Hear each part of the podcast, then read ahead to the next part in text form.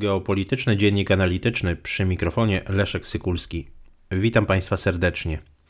Wczoraj, 6 września, spółka Nord Stream 2 AG mm, poinformowała oficjalnie, że dobiegają już e, do końca e, prace przy budowie gazociągu Nord Stream 2. E, operator gazociągu poinformował, że na dnie Bałtyku ułożono ostatnią rurę tego, e, tego gazociągu, no a wkrótce nastąpi połączenie mm, dwóch odcinków Nord Stream 2, które leżą mm, na wodach niemieckich i e, duńskich. Jednocześnie warto tutaj dodać, że operator uważa, że gazociąg zostanie uruchomiony do końca 2021 e, roku. Y, no, oczywiście warto także nadmienić, że mm, Gazprom, rosyjska, mm, rosyjski koncern, mm, deklarował, że jeszcze w tym roku będzie w stanie przetransportować e, ponad 5,5 miliarda metrów sześciennych gazu właśnie przez Nord Stream 2. Minister spraw zagranicznych Federacji Rosyjskiej Siergiej Ławrow również wczoraj powiedział, że Nord Stream 2 mm, zacznie działać w, w, tym roku i że to połączenie dwóch odcinków gazociągu odbędzie się za kilka dni. Y, zresztą została zwołana specjalna konferencja prasowa w Sankt Petersburgu, mm, na, właśnie na której wystąpił rosyjski szef dyplomacji. No i y, też bardzo ciekawe, y, można powiedzieć, słowa padły z ust Ławrowa mm, o tym, że administracja prezydenta Stanów Zjednoczonych Joe Bidena, choć nadal jest przeciwna temu projektowi, to jednak rozumie, że zatrzymanie go jest niemożliwe. No, to bardzo ciekawa, bardzo ciekawe rzeczywiście postawienie, postawienie sprawy. Choć no, można powiedzieć, że mm, jak najbardziej zbieżne z tymi deklaracjami, które zarówno Departament Stanu, jak i sam y, prezydent Biden deklarowali w tym roku. Y, co istotne, czytając media rosyjskie, można natrafić na informację, że ukończenie Nord Stream 2 planowane jest do 12 września y, tego roku. Obecna sytuacja wskazuje na to, iż mm, Federacja Rosyjska już wkrótce znacznie zmniejszy swoją zależność od Ukrainy jako kraju tranzytowego mm, i y, no, stanie się to jeszcze przed końcem y, tej umowy tranzytowej, która wygasa w roku 2024. Y, to oczywiście nie, nie tylko kwestia 2 mm, miliardów euro rocznych opłat tranzytowych, które wpływają do mm, budżetu Ukrainy, ale no także jeden z istotnych elementów bezpieczeństwa mm, państwa ukraińskiego.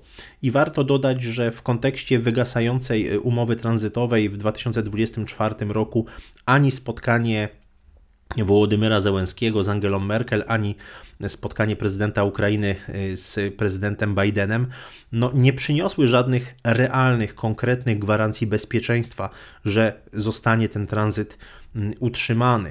Y, faktem jest, że w lipcu tego roku Stany Zjednoczone i Niemcy no, ostatecznie właściwie zakończyły ten y, spór o gazociąg. To jeszcze oczywiście warto przypomnieć, że w maju tego roku Departament Stanu Stanów Zjednoczonych zniósł sankcje na Nord Stream 2 AG. Natomiast to porozumienie, które było przedmiotem rozmów Angeli Merkel w, Waszyngtonie i później y, mieliśmy oficjalne już takie oświadczenie rządów y, Republiki Federalnej Niemiec i Stanów Zjednoczonych, które mm, no, faktycznie, mm, faktycznie potwierdziły, że zostaną wstrzymane y, dalsze sankcje na, na gazociąg, a mm, no, można powiedzieć, że w zamian Niemcy będą starały się tutaj inwestować w ukraińskie projekty energetyczne i będą się no, stosowały do jakichś mm, bliżej nieokreślonych sankcji w razie y, wrogich działań Rosji przy użyciu, mm, no, można tak nazwać w cudzysłowie, broni energetycznej.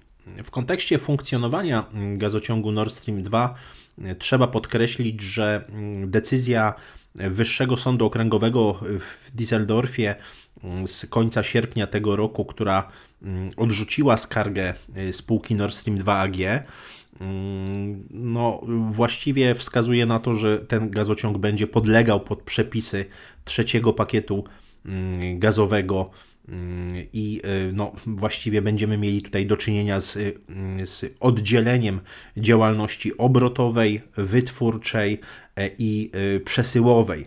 Gazprom nie będzie mógł pełnić tych trzech funkcji w przypadku właśnie tego, tego gazociągu, co było no, przedmiotem bardzo Mm, takich, można powiedzieć, energicznych zabiegów tej, y, tej spółki. Y, te odwo to odwołanie dotyczyło decyzji Federalnej Agencji do Spraw Sieci, która, która właśnie wydała, wydała swoją decyzję.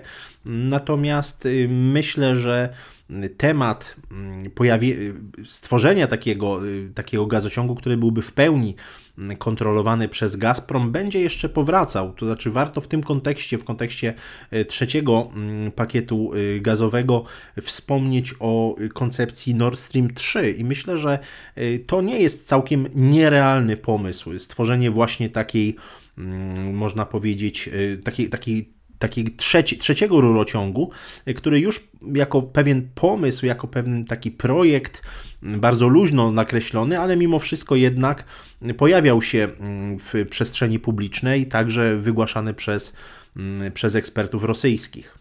Sama budowa Nord Stream 2 jest już, można powiedzieć, właściwie przesądzona, natomiast jego uruchomienie moim zdaniem może mieć opóźnienia z uwagi właśnie na ten wyrok sądu w Düsseldorfie z 25 sierpnia tego roku. On może, ten wyrok może opóźnić mm, samo uruchomienie mm, rurociągu, ponieważ no, muszą być spełnione wszystkie unijne wymogi, wszystkie unijne decyzje. Warto jednak y, także odnieść się do samych słów y, i Angeli Merkel, i innych polityków y, niemieckich, którzy no, właściwie bardzo często podkreślali o tym, że jest to projekt wyłącznie biznesowy, że nie jest to projekt mający znaczenie geopolityczne, czy też, że ten rurociąg, który biegnie z rosyjskiego Wyborga przez Morze Bałtyckie aż do mm, Lubomina koło Greifswaldu, w Niemczech no, nie będzie wykorzystywany w celu szantażu energetycznego, jako właśnie taka swoista broń energetyczna. E, moim zdaniem na to Niemcy nie mają żadnej, znaczy żadnej gwarancji dla państw Europy Środkowo-Wschodniej. Nikt nie da Polsce, mm, Ukrainie ani innym krajom regionu takich, y, takich gwarancji. Zresztą myślę, że tutaj sama wiarygodność sojusznicza, y, czy to Republiki Federalnej Niemiec, czy Stanów Zjednoczonych, jeśli chodzi o kwestię no, takiej, można powiedzieć, solidarności w zakresie bezpieczeństwa energetycznego, no, może, może być postawiona pod pewnym znakiem zapytania. Widać, że państwa regionu obawiają się deficytu bezpieczeństwa, jeśli chodzi o kwestie energetyczne. No i niewątpliwie ta mm, postawa Niemiec, które za, właściwie za wszelką cenę starały się doprowadzić do y, sfinalizowania tego przedsięwzięcia e, z Rosjanami, choć oczywiście także inne spółki z innych państw europejskich brały udział w, w, w, budowie tego e, rurociągu, no to jednak można powiedzieć, że tutaj zabrakło takiej solidarności europejskiej, solidarności z państwami regionu, co, tak jak powiedziałem, stawia pod znakiem zapytania takie, powiedzieli, no, szeroko pojęte gwarancje bezpieczeństwa. I to, co oczywiście najbardziej rażące, to sama postawa Stanów Zjednoczonych.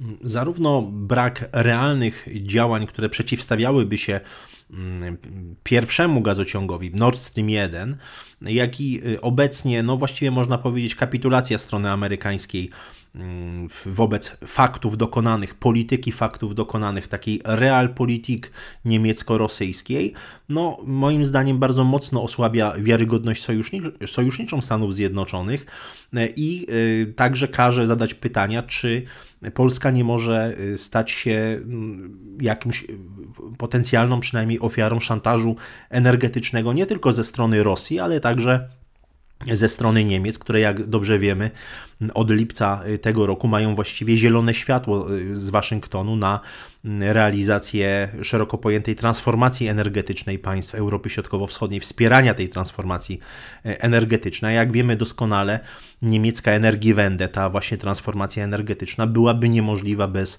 rosyjskiego gazu. No, w tym kontekście warto zadać pytanie o, po raz kolejny o kwestię polskiego bezpieczeństwa energetycznego i samej postawy sojuszników z, sojusz, właśnie z NATO i z Unii Europejskiej. Myślę, że współczesne przemiany porządku międzynarodowego dzisiaj mm, sta każą stawiać po raz kolejny e, takie pytania, a może nawet e, rozpocząć w ogóle zadawanie takich pytań, ponieważ w przestrzeni publicznej ostatnich lat bardzo niewiele się na ten temat mówiło, wręcz odwrotnie panował taki trend mm, właściwie niezadawania pytań, e, trend unikania stawiania takich, e, takich e, wątpliwości co do realnych gwarancji sojuszniczych, zachowania sojuszników, mm, tak aby tutaj w żaden sposób nie podważać no, prawda, zaufania między, między Polską a Stanami Zjednoczonymi, Polską a Niemcami. Natomiast widzimy, że działania Niemiec od y, ponad mm, dekady są działaniami nieprzyjaznymi, jeżeli chodzi o kwestie energetyczne przynajmniej, chociaż myślę, że nie tylko.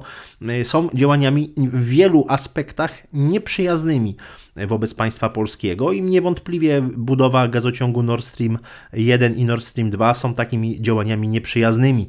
Natomiast w tym kontekście mm, warto także no, zwrócić uwagę na działania nowej administracji amerykańskiej, administracji Joe Bidena, no, która jest niezwykle moim zdaniem uległa wobec, y, wobec Niemiec, jeśli chodzi o kwestię transformacji energetycznej Europy Środkowo-Wschodniej i no, tak jak powiedziałem, warto tutaj zastanowić się nad przyszłością polskiego bezpieczeństwa energetycznego, a nie, moim zdaniem nie rysuje się wcale to optymistycznie. Dziękuję Państwu za uwagę.